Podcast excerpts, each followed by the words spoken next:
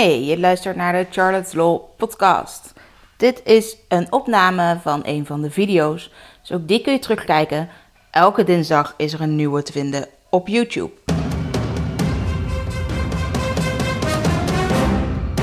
Charlotte, de privacyjurist van Nederland. Vandaag maar weer eens een, een video over de AVG. Dit keer over toestemming. Niet waarom je geen toestemming zou moeten vragen, maar wel waar je dan aan moet voldoen als je toch kiest voor de grondslag toestemming. Het allerbelangrijkste is natuurlijk dat je vooraf informeert. Anders weten mensen helemaal niet waar ze toestemming voor geven. Nou, lijkt me duidelijk, toch?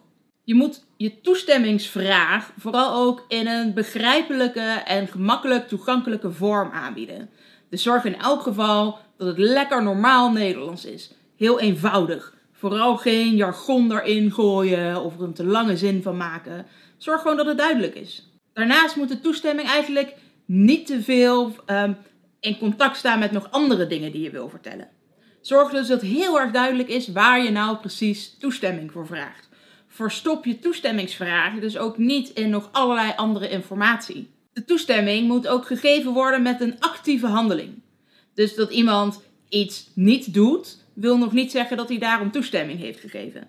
Zorg echt dat ze op een knop moeten drukken of misschien een hokje moeten aanvinken of iets anders moeten doen. Zorg uiteraard ervoor dat je het bewijs hebt van die toestemming. Sla dat ergens op. Hoe specifieker, hoe beter. Hoe je dat wil doen, dat mag je zelf weten. Voor een nieuwsbrief een dubbele opt-in gebruiken is dus prima, maar is geen verplichting. Het mag ook op een andere manier.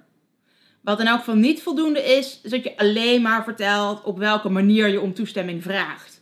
Je moet het wel uiteindelijk kunnen opslaan dat deze persoon specifiek voor deze doeleinden toestemming heeft gegeven. Heb je nou nog meer vragen over toestemming of andere AVG-zaken? Mail ons dan vooral op hello@charlotteslaw.nl of bel ons op